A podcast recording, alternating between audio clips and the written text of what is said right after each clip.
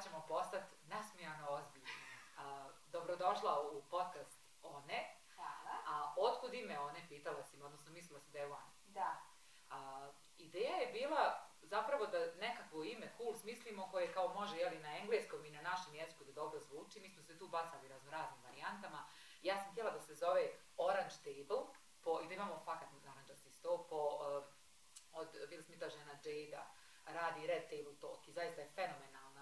Neka video podcast varijanta i to mi je bila zvijezda vodilja. Međutim, ovaj, kad je mene pitao direktor kao pa ko će tebi biti gošće, kažem pa znaš one koje su preživjele nasilje, one koje mijenjaju pravila, one koje su inspirativne, one koje imaju glas. Kaže, bit će one. Rekao, tačno. A ovo van mi se baš sviđa jer vjerujem da svaka od nas donosi svoju autentičnu, jedinstvenu perspektivu u, u ovo što jesmo. Ja kažem ja sam pročitala ono one, rekao jedinstveno, jedna, jer tek kasnije sam skontala da su oni.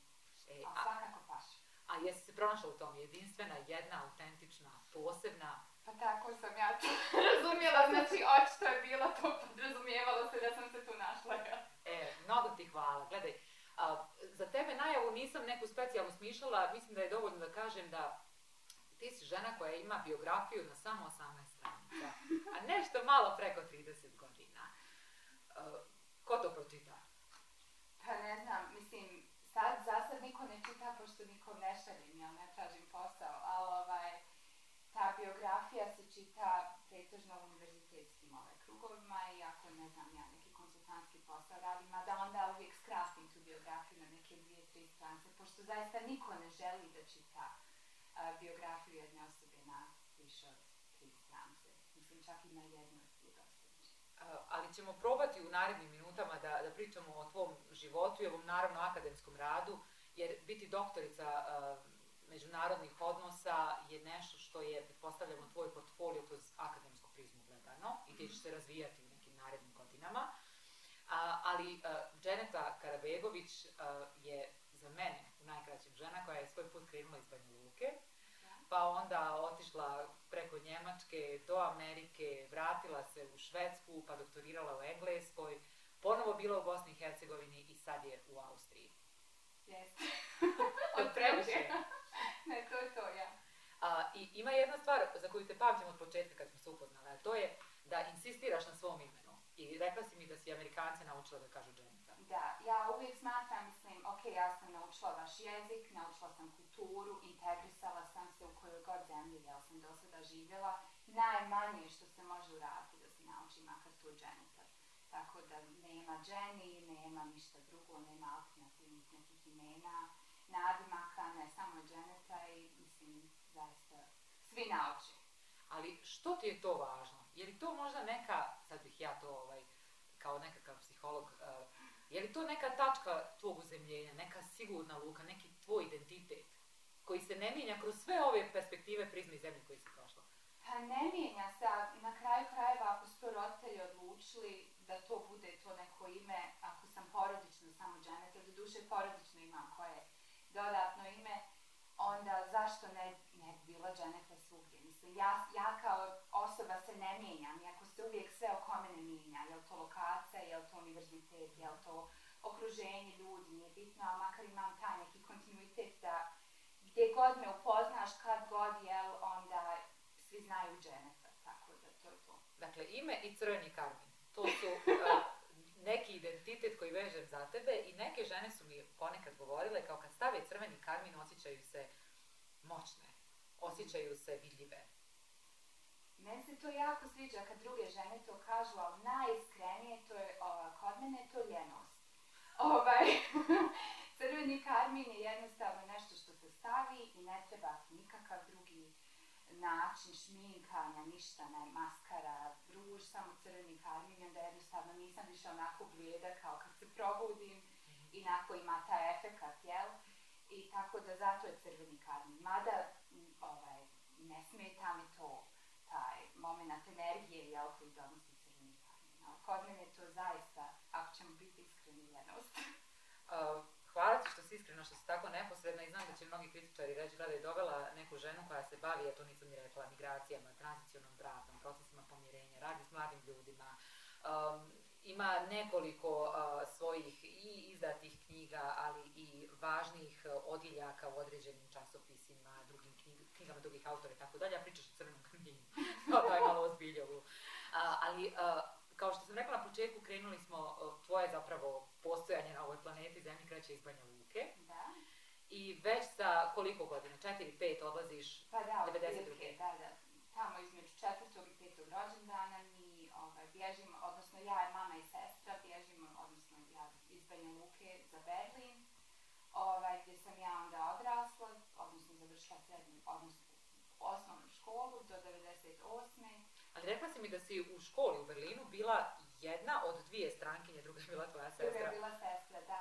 To se desilo da smo mi ovaj, suštinski stanovali u jednom dijelu Berlina koji tada nije izgledao kao što Berlin danas izgleda, taj kao diverzni, ono, pun grad, stranca, izuzetno međunarodan. 92. mislim, ako se podsjetimo, jel, zid je pao 89. Berlin u tom momentu se tek opet vraća, odnosno postaje onaj jedinstveni grad.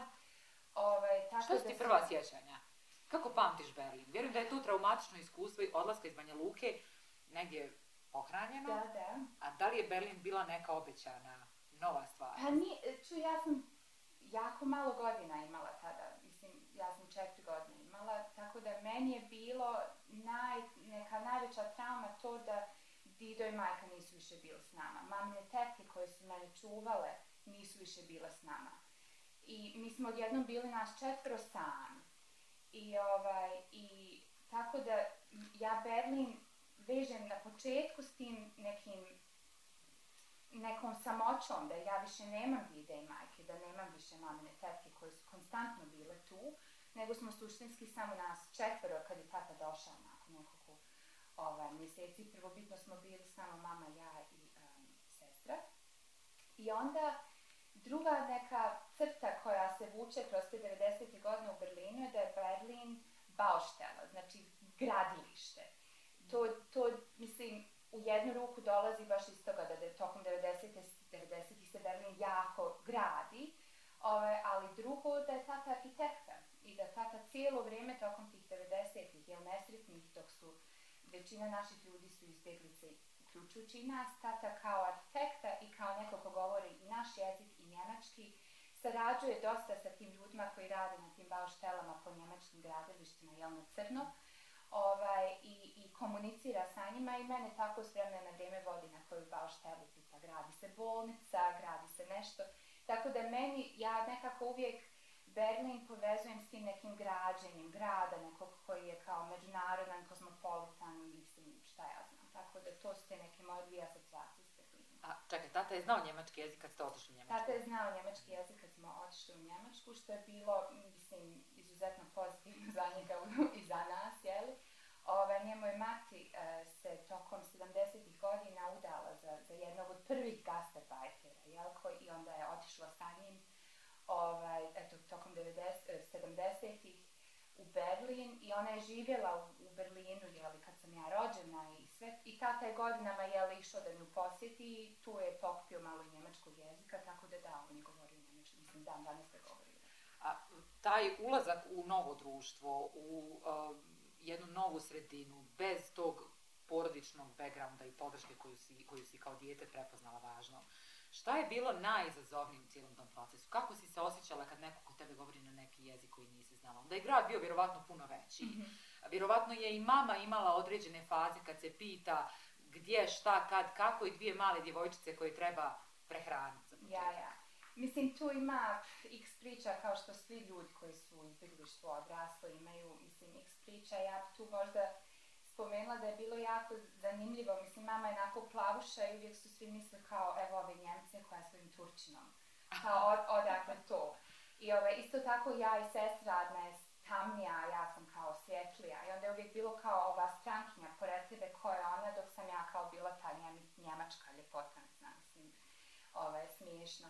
Ali što je meni bilo na početku jako zanimljivo je da sam, mislim, zanimljivo, to je bilo nekako smiješno iskustvo da sam ja igrom slučaja živjeći u toj porodici u Banja Luckoj gdje su stvarno svi bili jako vezani za mene prvo unuče prvak čerka, prvo dijete, la la la, ove, da sam ja sa četiri godine pročitala, ove, počela čitati, jel? Tako da u moment kad smo mi odšli u Njemačku sam ja već čitala i kad sam počela ići u školu u Njemačku sam ja čitala što je bilo nevjerovatno za dijete koje je izbjeglica koja doslovno ne razumije njemački. Znači ja čitam, ali ne razumijem šta čitam i tu je bio taj zanimljivi moment da nakon sedam dana škole je zognula direktorica mamu i tatu da bi eto, sastanak bio, da bi oni rekli kao nemoguće da ovo dijete ide u tadašnju kao fošulu, kao predškolsku, mi moramo nju prvi razred odmah bac, pošto jednostavno ne valja da druga djeca kao njemačka djeca imaju ovo dijete jedino ovaj, izbjeglicu koja eto čita dok, dok svi ostali ne čitaju. Tako da sam ja tu nakon sedam dana unaprijeđena jel?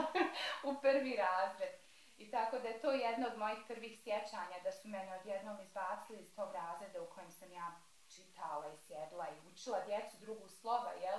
Na neki, jel, način čudni, bez, bez da sad razumijem njemački, u prvi razred gdje, su, gdje smo mi zaista i čitali, učili. Sad, onda sam ja tek počela da učim njemački i upoznavam neke svoje nove prijatelje. Još jedna crtica iz Berlina koja mi je zanimljiva u, u ovoj našoj pripremi razgovora bila je da ste živjeli u zgradi koja je bila puna uh, udovica SS, ne znam, oficira, Da, Hitlerove da. vojske. Uh, Da, mislim, jesi ih upoznavali, jesi pričala sa njima, jesu li oni na neki način možda mapirali tvoj dalji put, jer znam da si istraživala i holokaust kao Ja. jedan dio svojih uh, dodiplomskih Ja, studija. mislim, to je bilo to, ove, mi smo se preselili u taj stan u Šteglicu, jel, na Šteglicu to je dio taj ovaj, Berlina tadašnji, gdje zaista nije bilo tada puno, puno stranaca i, ovaj, i to je bio taj dio gdje su, gdje su pretežno stanovale te udovice od SS oficira i mi smo se tu zatekli ovaj, opet u tom stanu kao jedini stranci. I, I tu su te priče krenule, tipa mama i ja idemo niz stepence, izlazimo, šetamo, nije bitno. I onda ona jedna otvori kao, ovaj, kako možete biti s tim Turčinom mužem.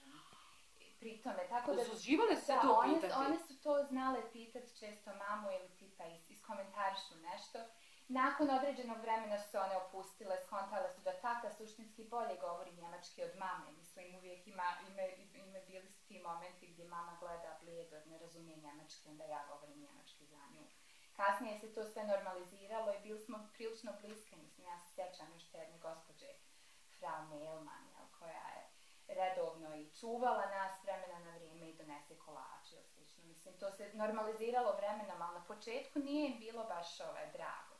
Znaš zašto te pitam, usudile su se to da pitaju? Zato što uvijek ima ta neka a, ideja da mi na Balkanu smo topli i ponekad prelazimo lako granicu što se nisi udala, što nemaš djeci, ili ako imaš dvoje što će treće, zašto imaš ovakvu frizuru ili onakvu. I onda za njemačku kulturu ili za neku tu zapadnu kulturu vezujemo hladnoću, distancu, uvijek jeli nasmijani, a, pristojni, prilagođeni, bez tih pitanja koja nama realno urušavaju privatnost. Pa dobro, ali ja mislim da tu ima razlike između takvih pitanja i predrasuda koje se podrazumijevaju. Zašto će takva žena biti sa tako tamnim muškarcem, turčinom, strancem, jel? U njihovom nekom viđenju. Tako da to nije bilo da su se one sad nešto usuđivale, nego je to zaista bilo zašto, kako. Ovaj, jednostavno oličenje predrasuda koje su one u tom momentu imale na prvi pogled. Da, i vjerujem da je tvoje ime često izazivalo predrasude, odakle uopšte dolaziš i Da. otkud ti tu. Da, mislim, to je kasnije ako neko po, ono, pozna me i, vidi onda ime. Mislim, to dan danas se isto dešava, zavisi sad. U Austriji je to manje zato što svima su poznata ova balkanska imena. Ovaj, pretežno u Americi je bilo totalno nejasno, zato što ono... A otkud u Americi? To hoću da. Dakle, u Berlinu ostajete, ne znam, 6-7 godina, Da. tako. I onda odlazite za Ameriku. Zašto?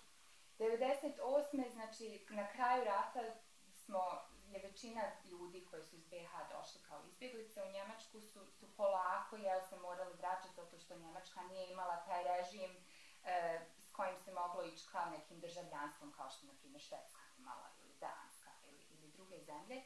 Tako da je Njemačka vraćala ljude, taj poznati ovaj, e, to vraćanje. Jel? I, I u tom momentu smo mi imali tu opciju, jel nismo suštinski imali opciju da se vratimo u Banja Luku.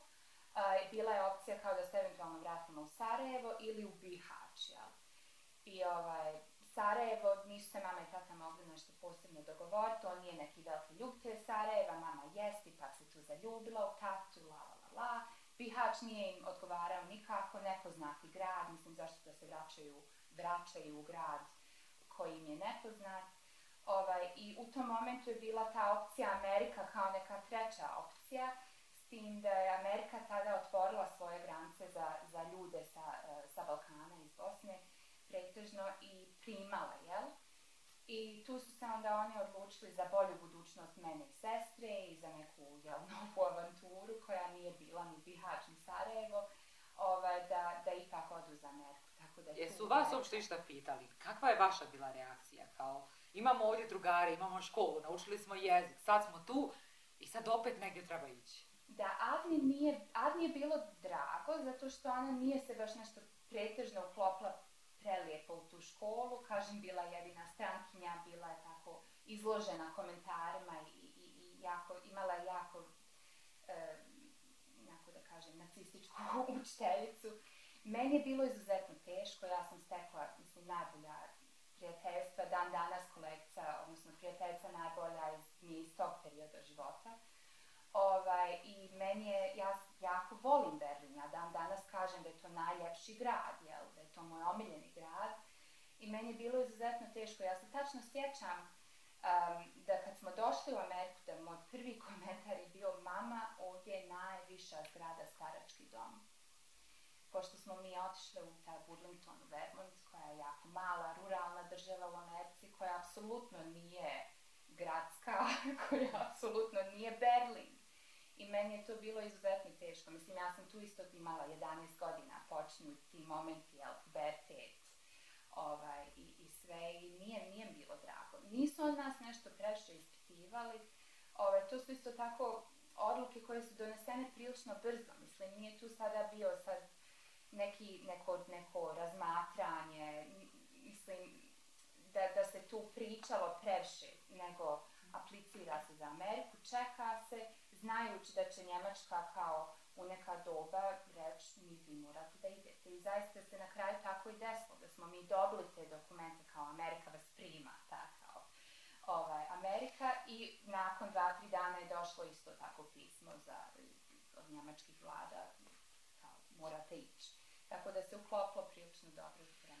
Ja vjerujem da se u životu sve stvari uklapaju u, u nekom scenariju koji nama ponekad nije jasan, možda smo i ljuti, isfrustrirani, drugačije smo mislili, ali sve to negdje trebalo bi da, da na kraju igrice ima smisla. Pitaš li sebe ikad, ko, ko bi bila ja, ko bi bila ja da sam ostala u Banja Luci? Šta bi Dženeta od svega ovog mogla i, i znala napraviti? Da nije vidjela svijeta, da nije prošla sve ovo što je prošla, da ne zna njemački tečno kao i engleski, da nema američki pasoš. Pa čuj, mislim, to su, ja mislim da se svi mi razmišljamo jel, o, o tim nekim šta bi bilo kad bi bilo. Ja ne znam koliko je to baš zdravo, ali ovaj, ja i sestra često imamo taj razgovor s tim da nam je neko nekada rekao da kao Karabegović imaju vrlo dobar glas i znaju pjevati. E, da su znali nekad, da, da je bilo poznato u Banja Luci da Karabegović pjevaju. Tako da mi se uvijek zezamo da bi Adna postala pjevačica, s tim da ja ne volim nešto scenu, ona uživa u tome, a da bi ja postala neki inženjer, zato što ja volim, mislim u akademiji sam jako onako siva, ništa nije crno ili bijelo, uvijek se sve preše analizira, a inženjeri nisu taj tip, kod njih je sve jasno i onda taj neki, u tom nekom alter, alternativnom jel, svijetu bi ja bila taj neki inženjer, udata se, ne znam ja, troje djece, Adna bi bila poznata pjevačica, ovaj, i tako da nam je to taj neki univerzum jel, koji je paralelan jel, i, i, i u Banja Luci šta bi bilo kao da ne bi bilo rata i da ne bi bilo svega šta je, šta je se desilo, jel, ali Misliš da bi bilo lakše? pa ne znam da bi bilo lakše. Mislim da svi imamo u životu izazove koji se dešavaju i da izlazimo na kraj sa njima na najbolji način na koji znamo da izlazimo. Mislim, teškoća je bilo u, u životu u Berlinu, u životu u Americi, dan danas ih ima. Ja mislim da je, mislim, mo, možemo mi uvijek relativizirati reći, bilo bi lakše, bilo bi teže, ali u kojem momentu? U nekim momentima, mislim, veći dio mog života sam ja zaista živjela bez porodice. Mislim, bez porodice u smislu mimo mame, tate i sestre. Dok ja dan danas u Bosni i Hercegovini, mislim, na razlog iz kojih se ja često vraćam su ti članovi porodice koji su meni izuzetno dragi. Um, ja u izbjeglištvu tokom djetinjstva, mislim, ja sam imala jednu tetku, odnosno dan danas imam, jel, koja je u Švedskoj, koja je dan danas u Švedskoj, druga tetka koja je kratko, mislim, bila je s nama u Berlinu i onda su i oni odšli u Njemačku pa smo mi njih suštinski pratili, jel. Tako, ali to je vrlo malo porodice, to nije ta atmosfera koja se osjeti, na primjer, kad sam ja ovdje, kad ja odem na Bajram, kad odem na proslavu, kad odem na rođendan, rodice, nije bitno. Tako da ti momenti su bili možda teži, da nisi osjetio tu neku podršku ljudi koji su najbitniji, najznačajniji, a možda su neki drugi bili lakši, mislim, prilike, obrazovanja, prilike, e, što se tiče nekih, nekih iskustava, nekih putovanja, ne znam ni, ali...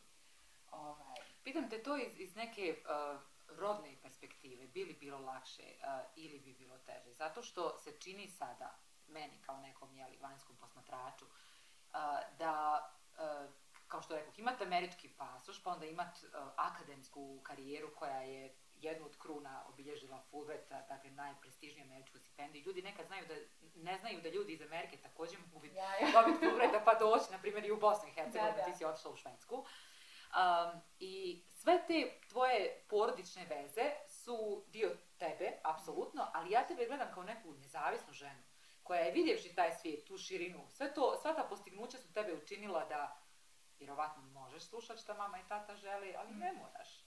Dok pa to u da. Bosni nije baš slučaj. pa čuj, on su nas stvarno ovaj, odgojili na taj način, da, da njih slušamo, da, da, da imamo na umu jel, te, te neke njihove želje, planove, ali da u istu ruku jako smo samostalne. I, i to je nešto što... Je li to dio bosanskog odgoja, oprosti ili američkog, ta samostalnost? Ja ne znam da je to i u bosanskoj, mislim da su to moji roditelji, ovaj, koji su zaista stvarno nas odgojili na taj način. Mislim da je to dijelom, da je to puno više bosanski nego američki, da tako kažemo, pošto ja i ona smo imala to 11 i 9 godina kad smo otišli u Ameriku, mi smo tada već bili, mislim, tu je već decenja ovaj, odgoja prošla bila, bez, bez Amerike neke, tako da to je suštinski, to su suštinski moji roditelji, ja mislim, više nego neki bosanski mentalitet ili američki ili njemački čak. E, dolaziš u Vermont, e, suočena si sa nekim ruralnim krajem koji nije Amerika, koji mi obično prizivamo, to je ono New York, ne znam, da. eventualno San Francisco i tu se otprilike priča završava. Na koji način je uh, život u Americi tebe učinio boljom? Jer uh, ovo si pomenula sad da možda si mami nekad kao dijete nešto prevodila ovaj, mm. dok ste išla, ne znam, na školske sastanke ili tako. Jedna od uh, čestih priča koje čujem od prijateljica koje žive u dijaspori jeste da ih i dan danas sramota kada dođu na taj osjećaj stid, zapravo nije to sramota, stid je kad razgovaraju sa učiteljicom, sa profesorom, sa nekim mentorom i onda im nešto kažu gdje im dijete mora prevesti. Jer hajmo biti realni, naša dijaspora mm -hmm. nije potpuno integrisana, ni 25 godina. Naravno, zavisnost ima i sjajnih priča, ima i manje sjajnih, ali upoznala sam u Americi ljude, vjerujem kao i ti, mm -hmm. koji nikad nisu uh, dobili bolje plaćene poslove, koji dalje rade možda nešto u polusivoj nekoj zoni, koji ne mogu sebi priuštiti čak ni zubara mm -hmm. i koji se stide otići djeci na, na roditeljski sastanak. Da. Mislim, što se tiče zubara, vrlo malo ljudi u Americi može priuštiti zubara, tako da to nema ništa veze sa, ovaj, sa našom dijasporom, čisto zato što imati zubara pokriveno kao dio osiguranja kada radiš je nešto ono, wow, taj posao se prima. Jel, bio to, to posao koji ne želiš ili želiš, mislim, ako je Koliko osiguranje, je jel, ovaj, za zubara uključeni u taj posao, to se odmah prihvata, tako da, da se tuč, tučte korigovati, jel, taj moment. Ali što se tiče ovaj, e, te neke integracije naše dijaspore, mislim, i, i, i ja mogu sad govoriti svoje lične perspektive. Mama je govorila engleski jezik, ona ga je učila u srednjoj školi, tata djelomično isto tako. Tako da su oni imali ne, nešto malo engleskog, naravno ja sam tu prevodila isto, ja i smo obje. Koliko mi je trebalo da naučite engleski? kad ste otišli? E, ja sam u četvrtom razredu se počne u, osnovnoj školi u Berlinu govoriti kao učiti engleski jezik, tako da sam ja imala ako nešto malo engleskog jel, u školi u četvrtom, i onda, odnosno u petom, i onda sam u šestom došla kao i počela školsku godinu, s tim da sam ja govorila sa britanskim naglaskom, imala jako Opet si smiješne- bila poš. Da, Tamo bila sam jako poš, jeli, i imala sam te neke momente gdje, gdje me djeca ne razumiju, mislim, gdje ja govorim ono, ne znam ja, s nekim naglaskom koji njima nepoznat. Opet, vraćamo se na to da je Vermont, da je to ruralna sredina, da je to, ja. Ovaj, a, a što se tiče nas, ja mislim da smo mi tu jednostavno puno brže odrasle, zato što smo se suočavale s nekim stvarima i s nekim teškoćama koji su e, koje su bile prisutne u tom životu, jel, pošto je to sada treća zemlja u kojoj su mama i tata počeli iz početka, jel, ako je BiH bila prva Njemačka i onda Amerika, tako da smo tu odjednom bile uključene više, jel, e, u, u svim nekim zbivanjima koje su se dešavale porodično, na primjer, vrlo se sjećam dobro kad se donosila odluka da se kupi kuća, tako, jel, mislim, mi smo tu koji auto se kupi, mislim, neke stvari za koje, na primjer, djeca ne bi obavezno bila uključena. Mislim, zašto sam ja išla da, da, da sjedim kad je tata testirao auto i ne znam ja kada se digao kredit ili slično tako za neke, jel, za neko prevođenje, za neku, jel, podršku. A, ali to opet zvuči fenomenalno, s obzirom da mi često koji smo bili u, u ratu i poslije rata ovdje smo zavidno gledali na djecu koja su dolazila sa, ne znam, milkom, čokoladom, što je meni bio ultimativni uh, dio prestiža ili nekim patikama original koji smo ono, gledali samo na spotovima MTV-a. A, a, ali su mi neki ljudi govorili kao mi smo svoj rat imali poslije rata. Zapravo taj proces integracije, retraumatizacije, ponovne, svaki put iznova kad neko te prepozna kao neku neamerikanku, ne da. Njemicu, da li si dovoljno vrijedna, to dokazivanje. Možda je to u Americi malo i- drugačije nego u nekim drugim zemljama, ali generalno nije lako. I onda e, je zanimljivo zapravo da je cijeli tvoj akademski rad i sva, sva tvoja istraživanja se i dalje temelje na ovim fundamentalnim bolnim temama. Rat, ratno nasljeđe, pomirenje, tranziciona pravda, šta god to značilo. Tu floskulu često čujemo, mislim da to niko ne razumije šta sad Da. to znači. Neka tranzicija je tu kao neka pravda. Uh, migracije, a i, sa dijasporom si imala i, i radna iskustva, Da, da. istraživačka. Zato te pitam kakva je naša dijaspora, jer se ona razlikuje od, od nekih drugih dijaspora. I da li se ona razlikuje u Švedskoj, u Njemačkoj, imamo li neke parametre gdje možemo... Ne, apsolutno, ona se razlikuje u svakoj zemlji u kojoj ona je nastala i razlikuje se međusobno. Mislim, mi ne možemo govoriti o, o bosansko-hercegovačkoj dijaspori kao takvoj, osim ako govorimo tipa, ne znam ja, ima ih između 1,2 i 2,2 milijuna, što je isto ogromna razlika, jel? Mislim, naša dijaspora e, je danas izuzetno velika, izuzetno raznolika, e, bila je uvijek, ovaj, i tu, tu ima više generacija, tu imaju one generacije koje sam spomenula, jel, taj, taj muž od moje, od, od, ma, od, od, od majke mog oca, koji je tokom 70-ih otišao, jel, kao, kao jedan od originalnih jugoslavenskih gastarbajtera nakon što je bilateralni sporazum između Jugoslavije i Njemačke potpisan, do, na primjer, onda ljudi koji su nakon njega dolazili tokom, tokom Jugoslavije, do onda onih valova, ja ne volim koristiti tu riječ valov migracija, ali eto, rečemo je sada, izbjeglica koji su došli tokom rata, do ljudi koji dan danas idu, napuštaju ovu zemlju, zato što je ko- ekonomski eh, im bolje, zato što političko stanje je takvo kakvo jest, jednostavno iz frustracije idu, ta neka naša moderna bosansko-hercegovačka dijaspora.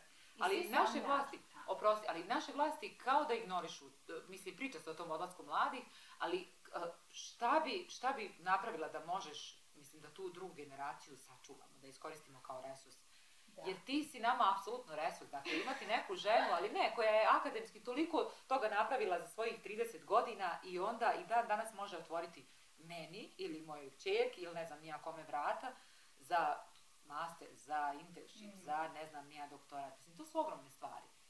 Ja, mislim, čuj, naše vlasti ignorišu i, i, stanovništvo koje je u BiH, djelomično. Tako Ali u da- ovo ulažu, znaš, to je paradoks. Dakle, daju pare da se neko odškoluje do tipa, evo, doktor, Da. završio je i taj doktor doktorica odlaze u Njemačku. I mi smo kao porezki obveznici investirali tu osobu da bi ona tamo to svoje znanje naravno usavršila Mhm. i onda iskoristila. Dobro, mislim, oni tu djelomično nemaju kontrole, odnosno nisu, nisu iskontrolisali to zato što zemlje kao što su Njemačka, kao što je Austrija, traže te radnike, jeli, i, i suštinski mame ih, jel, sa boljim platama i slično. Ovo što naše vlasti, na primjer, ne rade, da kreiraju ovdje sada to neko, tu neku, taj neki moment gdje ljudi žele da ostanu, jel? Gdje ljudi žele da, da, da, da odnosno gdje ljudi imaju neku perspektivu da će biti bolje, kao što su imali, na primjer, posle rata kada su se ljudi vraćali, jel? Ljudi su se, da, da se razumijemo, vratili u velikom broju, nisu svi kao što smo ja i moja porodica odšli u. Ovaj, ali u istu ruku, što se tiče ove dijaspore koja je otišla tokom rata ili, ili ljudi, eto, poput moje sestre ili poput sutrada njene djece, ta neka druga, treća generacija, e, vlasti nisu nešto sada uključeni po tom pitanju. Uključujući i glasanje, uključujući i, i, i tipa obezbiđivanje elektronskog glasanja za ljude koji žive van, van granica Bosne i Hercegovine, što naravno pokriva sve. Ali čekaj, ti si glasala, ili tako? Ja uvijek glasam. A, a kako ide ta procedura? Hajde malo to pojasni. I što uvijek glasaš? Što ti je to važno? Pa ja uvijek glasam zato što ja mislim da je to najjednostavniji, opet vraćamo se na onu moju ljenost, najjednostavniji način da se sudjeluje u demokratskom sistemu je glasanje. Znači, A ti znači, vjeruješ da postoji demokratski sistem? Ja postojim da dok se glasa, postoji jedna vrsta demokratskog sistema. Demokratski, demokratske vlasti, a demokratsko organizovani sistem nije naravno najidealniji sistem. Najidealniji, perfektan sistem ne postoji. Demokratija nam je taj neki najlakši, najbezbolniji način jel, organizovanja uh, vlasti i vladavine prava, jel, pravde da tako kažemo, tako da eto, ja u neku ruku vjerujem u tu demokratiju. Naravno, nar najlakše bi bilo da sam ja diktator i da ja svima određujem, ali diktatura nije rješenje. Tako da, da, vjerujem u neku a, a kako glasaš? Hajde, kako ide taj proces? Koliko to traje i koliko moraš da budeš strpljiva mm -hmm. da uopšte taj glas stvarno stigne u Centralnu izbornu komisiju u BiH na, na kako da kažem, mapiranje? Ču, ja mislim, ukoliko neko ima ličnu kartu, jel, prebivalište u Bosni i Hercegovini, to je doslovno poziv ciku um, ili e-mailom se to može dan danas uraditi, gdje se jedan formular ispuni, gdje se napiše, jel, Ali bilo je tu nekakvih pronevjera, pa onda priča o tome da su pa bila... na jednu adresu stiglo, ne znam, 50.000 Dobro, to, to je nešto što, što, što je nadležnost CIKA, to je njihovo ne znaju drag. Ali ja govorim iz perspektive glasača, je vrlo lagano. Ispuni se formular, pošalje se ciku i onda se čeka da to dođe poštom. Ukoliko to ne dođe poštom, digneš telefon i kažeš halo, ja sam taj, ta, gdje je ta moja pošta. Mislim, to možda malo ganjanje, jel, ukoliko ne dođe, to naravno uključuje to. Ali ja to isto radim u Americi. Ja glasam u Americi poštom više od 10 godina. Isti, ista mi je procedura. Ja svaki put ispunim formular, zovnem njih tamo u Burlingtonu, kažem halo, halo, ja glasam poštom, poslaću vam poštom iz Austrije, može li skenira, ali ne može dan danas skenirano. Dobro, šaljem poštom koja će trajati dvije sedmice, to naravno iz Austrije traje manje kad šaljem u Bosnu. Tako da procedure nisu sad puno različite nego ja mislim ljudi se suočavaju djeločno s tim da ne znaju kako funkcioniše sistem i onda se prepadnu zato što nema niko sa druge strane u ciku ko na primjer ne znam nija gradi tu neko, to neko povjerenje jel, da će se to stvarno odraditi kako treba tu, tu ja kažem opet naše vlasti ne rade nešto puno što se tiče građanstva odnosno informisanja građanstva um, i ono koja, koja živi van naših granice. A, ali da li je i to znak, broj jedan, tebi je stalo, ja to razumijem, mm. dakle tebi je stalo i ti želiš glasat i da. vjeruješ da to ima nekog smisla. A s druge strane, svjesna si da ovaj sistem i nije baš nešto previše fokusiran na, na dijasporu, posebno na tu drugu generaciju. Da. I sad, je li tvojim drugarima, prijateljima, poznanicima sa bosansko-hercegovičkim korijenima u bilo kojoj zemlji, tvojih godina, zaista stalo? Jel ti kažu, što glasaš, šta te briga? Odeš jednom ili nijednom pa čuj, mislim, ja, ja mislim da u svakom društvu, u svakim nekim grupacijama ljudi ima ta vrsta apatije. Pogotovo ljudi mojih godina koji, koji imaju svoje neke lične stvari koje se dešavaju, koje su bitnije. Ja to njima uvijek isto kažem. Ne morate glasati za nekog. Ja ne, ja ne glasam za nekoga. Ja glasam protiv nekoga. Mislim, i to je, ja mislim, fenomenalna strategija. Zato što vraćamo se na onu demokratiju. Ja nemam mogućnost da postanem diktator, da skidam ljude sa, sa funkcija. To se radi demokratskim načinom, jel, glasanjem. I tako da ja onda uvijek kažem, sjajno, nemate nikog da glasate. Pa dobro, glasate protiv nekog. Znači, sa svojim glasom pokažete da nećete da tipa x osoba bude na vlasti i zato glasate za y osobu. Mislim, ja kao osoba koja, ja glasam dan danas u Banja Luci, ja sam rođena Banja Lučanka, dan danas mi je prebivalište u Banja Luci. Ja glasam za, za člana jel, predsjedništva, odnosno protiv člana predsjedništva, zavisi od ko, ko se jel, kandiduje isto tako za sve druge ovaj, um, kampanje jel, koje su se vodile Ima li neka žena, pošto je ovo prije svega priča orijentisana ka, ka ženama i vraćanju žena, ženama glasa i moći i uopšte prilike da učestvuju u društveno-političkim procesima, koja ti trenutno na našoj političkoj sceni obećava? Nema. Ima li neka politička grupacija koja uh, vidiš da će iznjedriti neke nove, hajde ne moraju biti žene, političke lidere i liderke neke mlađe generacije? Nema. da. I onda onda je tu, pazi, odgovor na pitanje kao što uopšte ostati ovdje? Ja ne znam odgovor na to pitanje. Pa dobro, ali ja opet kažem, ja Kod nas nije problem da sad fali neka žena ili fali neka stranka. Fali, ne, fali, ne fali ni žena ni stranaka. Mi imamo stranaka više nego manje više svaka zemlja koju sam ja do sada istraživala. A realno rečeno nemamo ni baš malo žena u politici. Imamo određeni broj žena u politici, u javnom prostoru. Mislim, nisu one sad nešto pre, previše angažovane, ali nije niko od naših političara previše angažovan. Tako da ja mislim da tu što se treba realno fokusirati na to je da, da se jednostavno prestanu izborne kampanje koje nikada ne prestaju, da se jednostavno fokusira na to da nije sada trenutno moment kampanje, nije sada izborni proces, te malo vladate, te malo upravljajte, te malo budite opozicija, ta koja govorite da ste tokom kampanje, ili budite pozicija koja ste obećavali da ćete biti kada ste bili u opoziciji. Mislim da toga fali na, u našoj političkoj sceni. Jednostavno, izuzetno nezreli, ovaj, izuzetno nezreo neki politički diskurs koji, koji se onda dovodi do situacije gdje smo mi jednostavno stali gdje ne mičemo, jel ne mičemo, ne idemo naprijed. Zato što konstantno smo u tim nekim momentima izborne kampanje, broje se glasovi, ali stani nakon kampanje ti trebaš da vladaš. Ali rekla si mi da si kao, kako se ta, baš drska i ambiciozna. Ja mislim da nama takvi, takve trebaju. Jer ovdje, istina je da imamo žena u političkim partijama, mm -hmm.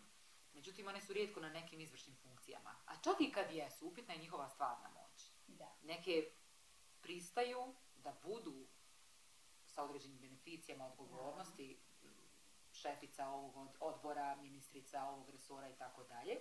Ali negdje se pretpostavlja da i da postoji politički šef, muškarac, svi su muškarci, da. koji uh, bar strateške uh, planove određuje ili fundamentalno važne kroz budžet. Možda ona ima neke ingerencije sitne, ali dakle, upitna je ženska moć da. i kroz političke procese. I nama trebaju neke, kako se reka, drske i ambiciozne. Rekla arogantne i ambiciozne, da. arogantne, da, i ambiciozne koje bi mijenjale stvari. Koje bi se usudile reći i tom šefu, i direktoru, i glavnom menadžeru, ne znam ja ko, ne. Jer sam ja ekspertica u ovoj oblasti da. i ja ću da upravljam ovim procesima. Ja se tu potpuno slažem s tobom, ali mislim da često kad, kad se žena nađe na funkciji, e, ona, iako ima taj neki moment gdje želi da to nešto provede, jel, vraća se opet sve na te stranačke politike, na tog političkog šefa koji sjedi iza nje, koji govori, eto, treba se to, to i to provesti. Ili čak je i ona u tom stranačkom momentu, zato što, pobogu, tako je došla na poziciju. Zato što je u toj stranci, zato što je uh, ispoštovala, odnosno... Iz, Pravila igre. Na taj način. I mislim da se onda tu gubi ta, taj moment jel, gdje, se, gdje se želi da neka politika unaprijedi na, na jedan ili na drugi način. Tako da mi se često tu izgubimo u toj retorici, umjesto da jednostavno kažemo, ok, šta smo uspjeli, šta možemo da uspijemo, koje zakone možemo da izglasamo, pa pobogu, hajmo sjest i izglasati, hajmo da pisati zakone, hajmo neke programe provesti. To dobro zvuči, ali malo ide sporije u praksi. I uh, sad ja samo s teme na temu, ali, ali mi je taj tvoj proces ovaj, uh, uh, rada, odnosno usmjerenja na teme koje su zaista bolne za Jer od sve, sve to što si prošla iskustveno životno, mm -hmm. te negdje vraća kroz posao da se stalno s tim suočavaš. Jesi li sama stalno u procesu retraumatizacije? upoznajući dijasporu, organizujući kampove uh, za, za mlade, za mir i pomirenje i ti si predavačica često, Ja, pa i mentorica u tim procesima. Dakle, svaka od tih, od tih mladih osoba donosi svoju priču Naravno. i svoj susret sa nekim Berlinom i svoje preživljavanje ili pokušaj da shvate ko su i gdje su, što ti to treba i, i um, koliko vjeruješ da taj proces pomirenja, pa i te stalne retorike kroz javni diskurs gdje mi slušamo o podjelama, o um, etno-nacionalističkim, uh, propagandnim formama u kojima se stalno uvlačimo u to ko smo, šta smo, jesmo li dovoljno dobri, Srbi, Hrvati, Bošnjaci, zašto nismo. I onda znamo da neke političke elite to koriste za, ne znam, građanje svojih sobstvenih priča, biznisa i, i e, svojim dje, svojoj djeci ostavljaju e, milione u amanet. E sad, e, je li vjeruješ u proces pomirenja? Pa vjerujem u proces pomirenja, a, A šta sad to znači? ali, ali je to proces, mislim. A je li kratko 25 godina? Smo mogli više? Mogli smo apsolutno više. Apsolutno smo mogli više, nego smo se bavili s tim da budemo baš profesionalni bošnjaci, profesionalni Hrvati i profesionalni Srbi, umjesto jednostavno građani koji grade jednu, nov- jednu zemlju jel, nakon rata, koji, koji kreiraju neku bolju budućnost za našu djecu. Ali mi smo funkcionalno nepismena nacija.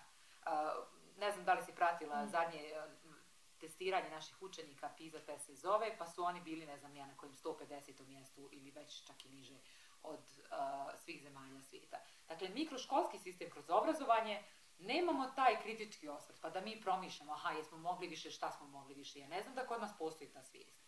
Pa dobro, mislim, e, čuj, obrazovni sistem je jednostavno učenje jel, vlasti koje, koje, su, koje su na funkciji u tom momentu. Kritičko mišljenje kod nas se ne uči, mislim, to, to se ne predaje na način. I meni dolaze studenti, evo na master, na primjer, u Salzburg, iz, iz, iz, sa cijelog Balkana, pretežno iz, iz Bosne i Hercegovine isto, kojima ja jednostavno moram da naučim ih na neki način kritički da, da, da, da, da posmatraju situaciju, da jednostavno kad pogledaju tekst, na koji način se taj tekst analizira. Nije taj tekst Bogom dat. Ako sam ja napisala danas tekst, to nije argument ono do kraja svijeta. Ja očekujem da onda počne neki diskurs, da se neko, da ne kažem sad svađa, ali da, da, da kaže taj argument ne valja, taj argument valja, hajmo onda do, do Ali to mi nemamo u školama. Pa, dan danas. ja, u školama se nauči na pamet i onda samo vraća ono što se naučilo na pamet.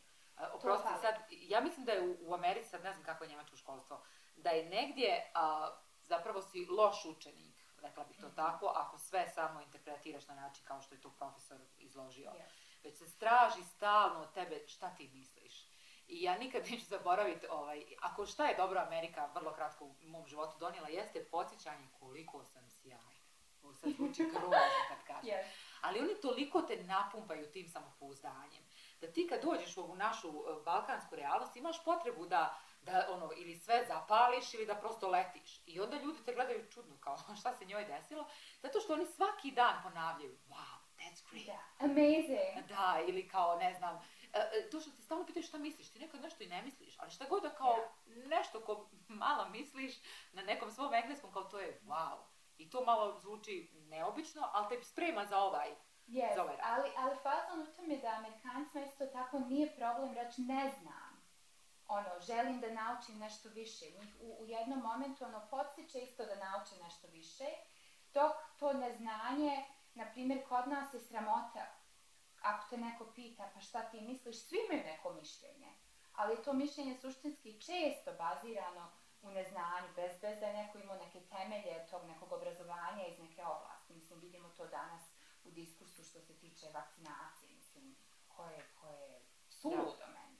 Ali Ovaj, nije ni Austrija nešto bolja evo, u tom. Nije, Austrija sada doživljava umor vakcinacije, oni to tako zovu, kao umorni su od, od, od primanja vakcina, pa je to malo se sad stišalo i sad će kao kada krene jesen, kada se svi vrate sa godišnjih odmora, kao neće više, bit- će odmorni, pa će se više vakcinisati. A, ima li a, u, u, evo, sad možemo austrijsko javno mnenje ili ne znam, američko, zavisno šta pratiš, šta te više interesuje. Im- ima li taj narativ u kojem a, ova ženska energija se sve više preliva, u kome se a, dešavaju stvari da, evo, i o vakcinaciji tražimo ekspertice ili Mhm. ekspertkinje, nego da tražimo muškarce. Jer mi se čini da sva fundamentalna pitanja u, u našoj zemlji, a u drugim zemljama, negdje vode muškarci. To su ova infrastrukturna, budžeti, mm -hmm. vojska, pa i imunizacija, zdravstveni sektor. Obrazovanje daju ženama, kao i zdravstveni sektor na nekim nižim nivoima. Da, ali ovo, medicinska sestra, eventualno doktorica, rijetko kad je direktorica i ako jeste, onda to obično bude po muškom principu. Ima li tu ta neka, mislim, mi smo pričali o mi tu pokretu i kod nas ovdje nisam tražila, nisi sama. Sve su to stvari koje su pokrenule, mm -hmm. ali još ne vidim da se, se nešto i formalno pravno mijenja. Pa, čuj, mislim, to, to, to se, prilike su tu za, jel, pravno, legalno, neće niko sada danas reći, ne možeš se obrazovati kao žensko, jel? To, to, preko toga smo prešli, hvala Bogu. Ove, ali, ali kada dođe do tih nekih momenta, tipa i u akademiji, na primjer, postati profesorca, je, je i dalje teže. Ne teže u smislu da će neko sad reći ti si žensko, ne možeš, nego jednostavno životni momenti, jel, život kako, kako protiče, jel, jednostavno nije usklađen sa tim nekim unapređivanjem ono, u, u, akademiji. Tako da ti, ti si tu kao žensko malo uvijek moraš nekako ručno povući zato što ti pa ne znam ja imaš druge prioritete u nekim, rad, u nekim momentima u kojim muškarci imaju više prostora da ne moraju povući tu ručnu. Ovaj, a mimo toga postoji dalje predrasudi, postoje komentari, postoji razumiješ, muškarac koji je na funkciji, koji tebe maložava, komentariše, razumiješ, i žene su jednostavne, često zasičene postanu, ne treba im to, šta će im to? Ali kroz uh, obrazovanje, vjerovatno si prolazila te nekakve treninge, ovaj, kad uđeš u novu instituciju, pa onda kao uh, seksualno uznemiravanje, kako prepoznat, kako prijaviti, onda uh, nekakve parametre šta jeste, uh, ne znam, seksualno uznemiravanje, napastovanje, šta nije, šta je potencijalno da. nasilje, psihološko, ne znam, fizičko. A, jesi li imala takva iskustva, da li su te procedure jasne studentkinjama, da li si, a, rekla si mi da nekad, jeli, u, u akademskim krugovima nisi samo mentorica, nisi samo profesorica, ti si prijateljica, ti si sagovornica, pa možda čak i neka figura starije sestre ili majke. Ma, postoji taj moment često, ovaj, mislim, to, to zove na engleskom kao emotional labor, kao uh, rad trud na emocionalnoj bazi koji je kao dodatan mimo, mimo tog, tog rada, koji se jednostavno očekuje da, da ti ulažeš više tog nekog truda i rada, jel, na emocionalnoj bazi neko, na, nego, na primjer, tvoj kolega koji je, koji je muškarac, jel. Um, I tu, to se svede baš na to, da meni studentice dolaze i plaču, da sam ja ta kojoj, kojoj dođu da bi rekli baš da je bilo neko seksualno uznemiravanje, da, bi, da, da su doživjela nešto što je traumatično. Um, I onda to naravno oduzima vremena. Ne, ne kažem ja sad da ne želim to da čujem, ali kažem da meni puno često dolaze takvi, takvi momenti i da se taj odnos sa studentima ovaj, češće vidi nego, kao, nego na primjer, kod kolega koji mene gledaju kao meni nikad student ne plaće. Kao, to, to, to je nepoznato. Ili ako plaće, onda je zato što sam ja nešto uradio, jel? Ali da ja sad kažem, meni plaće student zato što sam ja nešto uradila, odnosno dala neku lošu ocjenu, izderala se, to se ne dešava meni. Nego meni dolaze i plaću zato što se XY desilo i kako ja mogu da pomognem. I, I šta radiš tim informacijama? Ti pretežno na, nalazim načine da kanališem, jel, da im pomognem na, u neku ruku. Ovaj, nastojim da, da ih povežem sa nekim resursima koji postoje, pošto realno rečeno postoje resursi sada svugdje. E, nastojim da ih, da malo pričam sa njima, da ih povežem možda sa drugim studentima. Ovaj, i, i, mislim, ne kažem ja tu, oprostite, sad ja nemam momentalno vremena, moram pisati, idem na sastanak. Ali nastojim da, da u istu ruku um, nekako to i izbjegnem, što je jako ružno reći nakon određenog vremena, čisto zato što znam koliko to vremena i energije oduzima. Jednostavno, nemam nekada tu energiju i to vrijeme, zato što imam i ja svoje neke lične momente, svoje neke profesionalne ciljeve i vrijeme nam je ograničeno, jel, na 24 sata na dan. Tako da to bi onda značilo da ja spavam još manje nego što već spavam. To izgleda vrlo naporno. Kod nas se zapravo negdje provukla ta predrasuda da biti dio akademije, naravno kad ostvariš se, kad si, ne znam, doktor Mhm. nauka, pa ako te još izaberu neko zvanje, da je to onda vrlo jedna komodna pozicija, gdje ima puno spavanja, nekih lijepih radionica, ne znam, seminara, simpozijuma, gdje si ti relaksiran od nekog daljeg rada. Pa ja bih rekla da je to jako jedna lijepa zabluda i ovaj, koja apsolutno nije, nije ovaj, tačna. Pogotovo kao žensko u akademiji, mislim, akademija je standardno ono muška, jel? Ovaj, tu, tu se, jel, sastanči, tu se ide na konferencije, dan danas imamo one menals, jel, kao kad je panel, pa su samo muškarci menal, kao. Da tu ja negdje profitiram, uvijek me Ja. zovu kao žena da modeli. E pa tu i ja profitiram, pošto me zovu kao onu ženu koja, jel, se, koja se bavi baš sa tim teškim temama, pa hajde tu da jedna žena bude ili, ili eto žena koja, koja se bavi pitanjima vanjske politike ili Amerike ili migracija, mislim sve te neke teške teme, ovaj, što da ne. E, pogotovo zato što je nasmijana i fino ono se, se prezentira. Mislim, svi mi tu djelomično koji smo na nekoj poziciji profitiramo, ako ćemo tako to reći, a u istu ruku meni je uvijek glupo kad kažem profitiram, zato što, pobogu, zaslušao sam da sjedim. Ja često slušam i sjedim i, i razmišljam o čemu ovi ljudi pričaju. Znači, pojma nemaju.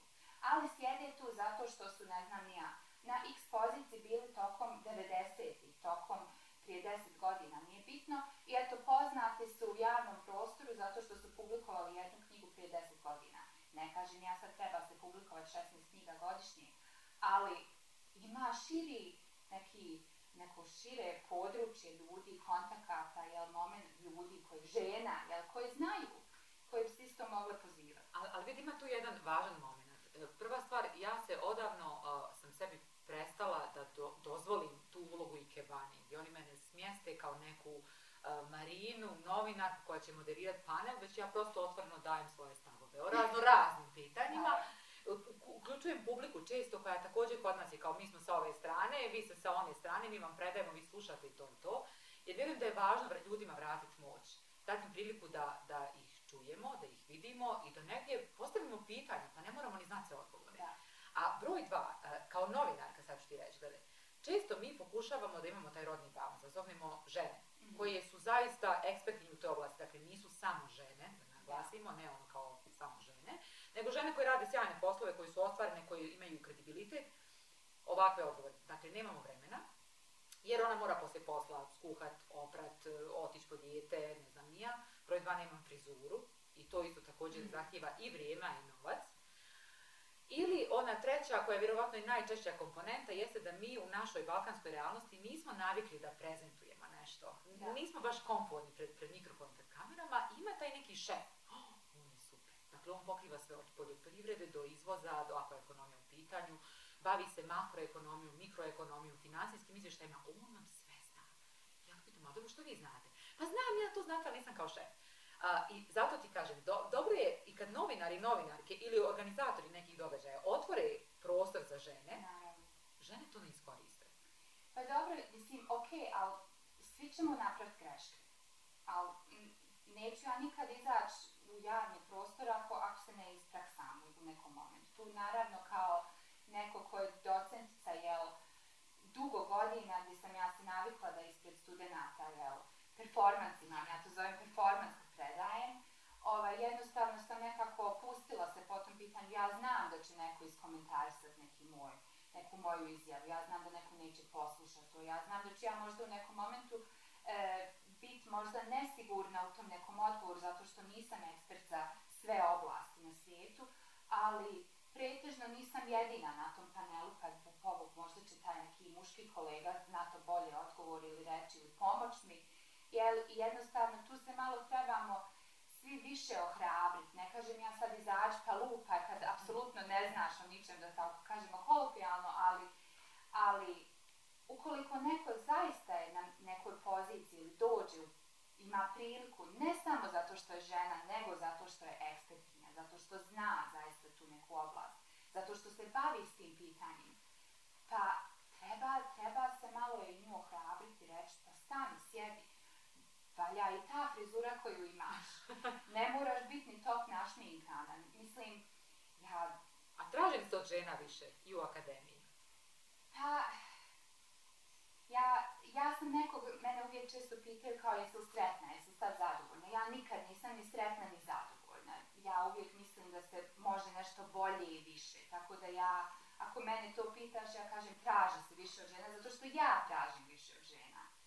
Ovaj, ja mislim da inače naše društvo traži donekle više od žena, u, pa ne donekle, u velikoj mjeri, zato što jednostavno se i dalje očekuje te neke kao žene koje mogu sve da postignu, te neke super žene koje, ne znam ni ja, imaju savršen porodični život, imaju savršen profesionalni život, uvijek je našminkana, uvijek je vakva, uvijek je nakva, perfektna, jel? I dobro kuha. I odlično kuha, to se, to se naravno, mislim, to vidiš, nisam ni spomenula zato što se to podrazumijeva i kuća je apsolutno čista, ali realnost toga jeste da ta žena nikad nije postojala. Mislim, ta žena, te žene koje tako nama izgledaju kao da su apsolutno idealne, imaju neku vrstu podrške. Je li to muž, je li to njihova mama, je li to možda svekrva, je li to žena koju su unajmili, je li koju plaćaju da čisti kuću, da se pravi sa djecom, da, da skuha taj ručak koji će biti spreman kad ona dođe kući. E, uvijek imamo taj neki, tu neku mrežu ljudi koji nama pomognu da budemo ta neka super žena koja budemo u javnosti. Jel? Je Niko to- ne može sam. Ma kakvi, ali da li te nove generacije sa kojima radiš imaju tu sliku? Meni se čini da su one, posebno žene, na primjer ove e, zoomer, kako se zove generacija, Ne znam, TikTok je. TikTok. Dobro, ne baš TikTok, ove malo starije, na primjer sad od nekih 13 godina do 20, 21, dvije, već kako se to mjeri. Mislim da su puno um, tvrdoglavije i negdje ubijeđene da su superiorne. I da, oprosti, i da taj njihov, taj izgled i to šta će reći drugi, je li im umrljan, šta god, hajde nemaju djecu možda, ali ne znam, kakvu muziku slušaju, koliko su cool, da su one sebi cool. Da ima ta neka nova generacija koju ja onako vrlo podozrivo gledam i pitam se otkud toliko samopouzdanja. Je. Ko ih je tome naučio? Na osnovu čega, jel? Pošto nisu ništa postigli. Da, Ovaj. ali male su, nekako su mi mlade, a vrlo, vrlo uh, usmjerene ka tom svom cilju. Je li vjeruješ da je to neka nova, to je možda polaritet sad, s jedne strane ove, ova naša generacija, posebno naših majke, opterećena Mhm. svim i svačim, jesu li prozori dovoljno visoki, bijeli, je li dočekala muža sa dobrom hranom, je li njena sarma najbolja i tako dalje. Ovaj, do ove neke koja sebe previše voli i kao previše čak i sebična po mom nekom Da, da. i naravno TikTok i društvene mreže, nek smo tamo negdje lijepi i popularni. Ja mislim, te društvene mreže su to sve nekako uveličale s tim da su svi sada apsolutno perfektni na tim društvenim mrežama i djeluju baš tako kako si ti opisala. Ja mislim da te mlađe generacije često primijetim to i na studentima da su puno više anksiozne nego što smo mi, na primjer, bili. Da su jednostavno puno više svjesni tih nekih očekivanja, tih nekih, pogotovo zato što vide to na Instagramu, na TikToku, na Zoomu, razumiješ, mi smo sada 16, 18 mjeseci suštinski proveli gledajući sami sebe na, na Zoom sastancima. Mislim, ko od nas je gledao druge, druge ljude na silnim Zoom sastancima, ne gledaš sam sebe kako izgledaš. Mislim, to je bolesno. Ovaj, ali istina, vidiš, smiješ se, zato što je stvarno to. I mislim da svi idemo malo u tom, u tom smjeru. Ovaj, i, i, i taj, taj nivo anksioznosti, kažem, primijetim više kod ovih mlađih generacija nego što primijetim kod nas, starih, jel? Ovaj, ali u istu ruku jesu, više su samostalni, više su svjesne i više su ovaj, spremne da te neke prilike em, prepoznaju, ali, ali da se suoče s nekim teškoćama, izazovima, bez da se, bez sad nek, ne, preše straha. I možda da ih naplate. I to sam I, primijetila, da je novac... definitivno, da ih naplate zato što jednostavno su svjesni toga da, da se neće vjerovatno udati do neke 35. To je sad 40. postalo cool ili tako, ima To je i sad tako. postalo cool, što znači ona sebi mora da ostvari financijski, jel, uh, financijsku neku budućnost, financijski neki, neki moment, jel, Em, umjesto da traži to, jel, kod muža, što možda nije ni loše. I u neku ruku ovaj, olakšava nekim muškarcima isto tim, tim mlađim generacijama da možda i svoje neke ciljeve ovaj, uh, ganjaju, da tako kažem, nego da ostvare to. Ja mislim da suštinski feminizam skida ogroman teret sa leđa muškaraca. Ma mada oni to vjerovatno dosta njih ne razumije. Dakle, ako ja nisam fundamentalno žen, što bi kolokvijalno rekli ženskica, on nešto nježna pa kao radi, pa po cijele dane oko djece, oko kuće, dakle ne smatram da je to loše, ali ako to nije moj izbor, ako sam ja ta koja je izložena, koja radi, koja zarađuje, koja se edukuje, koja uh, jednako ili čak u nekim segmentima malo više participira u našem partnerskom životu, Da. onda i moj partner, odnosno naši muškarci, i očevi, i djede, i djedovi, i sinovi, ne moraju biti neki mačo, neki superiorni, koji nikad ne plaču, koji idu u rat, koji dobijaju neke bitke. I oni mogu da, da te rodno odgovorne uh, uloge negdje senzibiliziraju na način koji njima autentično paše. Da. Mislim, ja, ja se tu uvijek vraćam na svog oca koji, ja kažem, je bio prvi feminista kojeg sam ja upoznala i ne znam da li se on složio da je on dan danas feminista. Ovaj, I moram priznati da dosta muškaraca koje ja smatram najveće feministe zaista ne kažu da jesu feministi.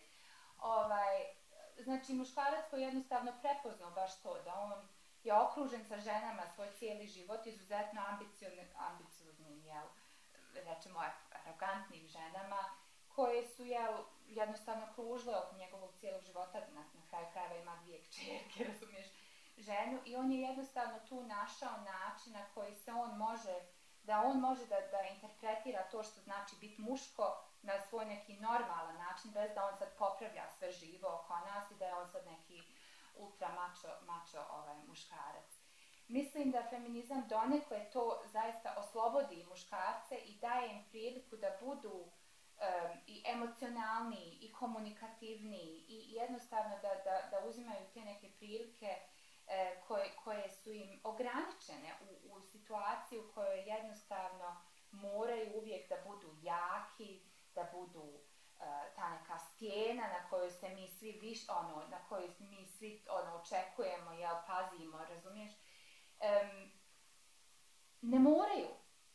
Mogu i žene to da rade. Možemo zajedno na kraju krajeva. Ja mislim da feminizam jednostavno olakša taj neki zajednički cilj, jel, ovaj, kako ćemo, na primjer, eto, doći do te planine, jel, preći tu neku planinu, ako je ta planina sad meta, metafora, sad neka životna, jel, Da. ne znam.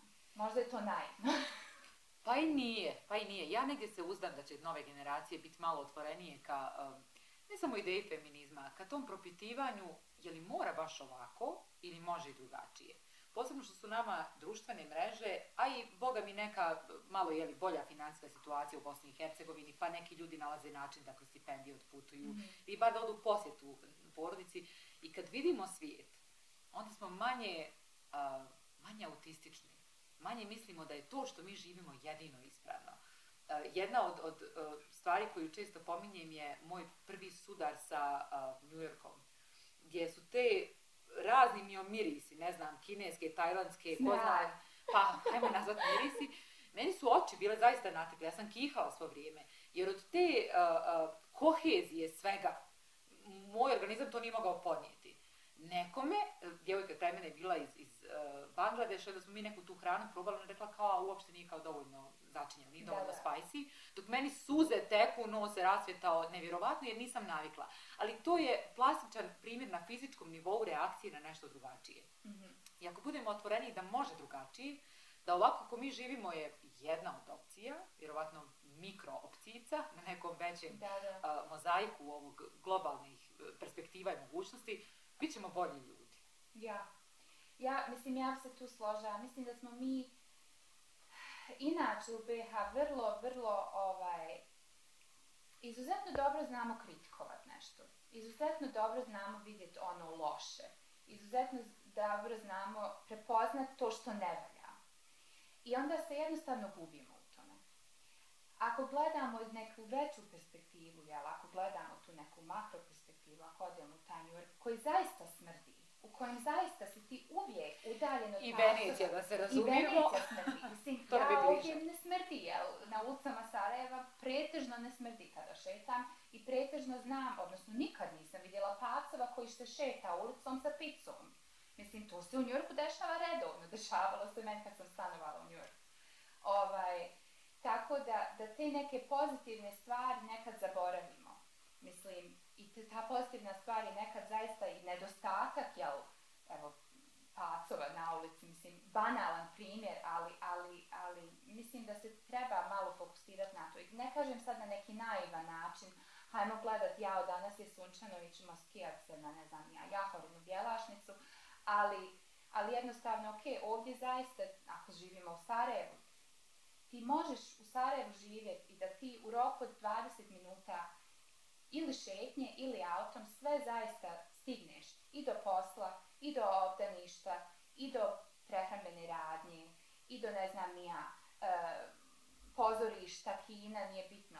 Što je vrlo e, teško u drugim velikim gradovima, na primjer u Njujorku ili, ili čak ako jesi u Njujorku, jednostavno toliko je to skupo i daleko tebi, a, a ipak u BH se dan danas mogu priuštiti te neke stvari ukoliko neko naravno ima posao i radi i sve tako. Dakle, govoriš mi, a, ako budeš imala djecu, a ja negdje voljela bi da da, da ćeš ih odgajati ovdje.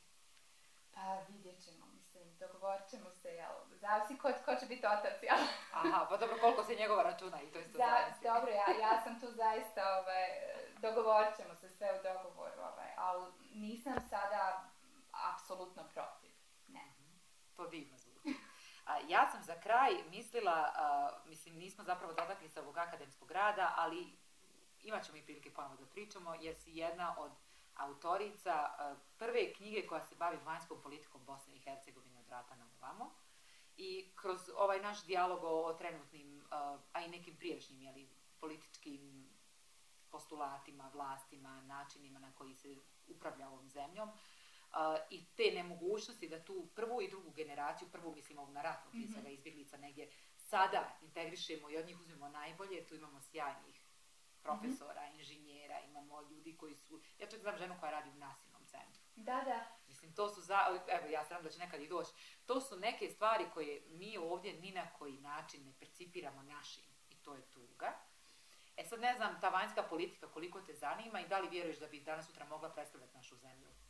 Jer imaš i BH pasoš, možda bi se morala ovaj, američkog eh, odreći, mhm. ali eh, možda nam takve žene i takve, eh, takva znanja trebaju, da negdje i ovu našu zemlju i ljepote o kojima pričamo izbrendiramo, da malo to bolje prodamo, da se malo bolje pozicioniramo u nekim svjetskim pa i lobističkim krugovima. Da, mislim, čuj, naša, naša vanjska politika i pitanje diplomatije definitivno može da radi na tome da se bolje brendira ova zemlja ovaj, i da se brendira po nekim stvarima po kojim zaista je moguće brendirati Bosnu i Hercegovinu.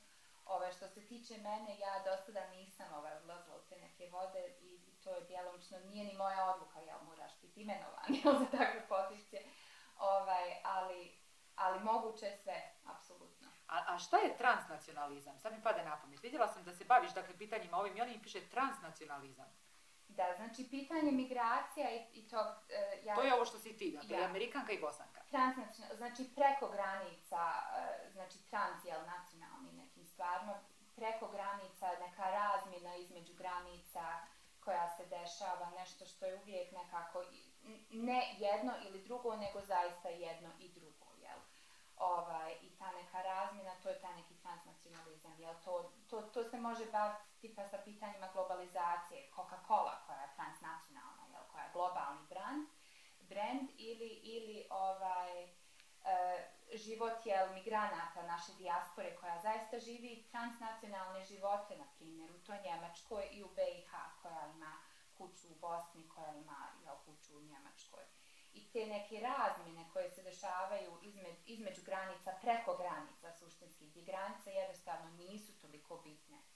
Ovaj, to, su, to su neka pitanja s kojim se ja bavim pretežno kad su, kad su u pitanju ljudi, jel, razmjena ljudi, razmjena znanja i tu se vraćam na ovo što si govorila, ta naša neiskorištena jel, e, prilika dijaspore po pitanju znanja, jel, koja su jednostavno ono, a to je neko ko je otišao, ne, ne zanima njih. Pa dobro, jeste li ih kad pitali da li ih zanima ta Bosna i Hercegovina, da li oni smatraju da mogu da, da nešto pomognu, da nešto urade, da nešto doprinesu, da nešto vrate ili da, da možda nekog mentorišu, da ta osoba radi tako nešto u BiH, mislim.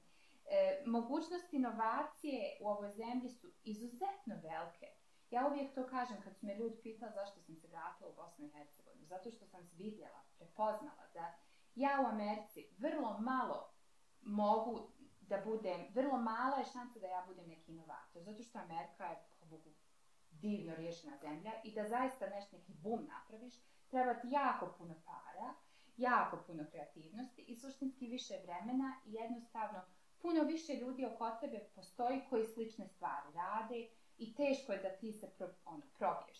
U BiH puno ima problema. Puno ima ovaj, tih baš problema koji traže neku soluciju ili problema koju, za koji ljudi su totalno digli ruke, kažu nema solucije. I onda sa vrlo malo e, truda, rada, jeli, sa, sa prilično dobrim idejama koje znamo da postoje ovdje, koje znamo da ljudi imaju, se može nešto postići. Naravno, moraš se boriti sa korupcijom, naravno, moraš se boriti sa vlastima koje su takve kakve jesu, ali ti imaš priliku da zaista nešto postigneš, da sutradan kažeš kad budeš imao, ne znam, ako doživimo te neke stare dane, e ja sam to, to i to odradio u toj Bosni i Hercegovini, te neke 2021. druge, nije bitno, jel? Um, što je, ja mislim, teže malo u Americi danas uraditi. I zato tu mislim da ima taj potencijal koji je zaista neiskorišten, zato što, kažem, ono što, se, što sam malo prije rekla, ljudi su u to nekom crnom, negativnom momentu.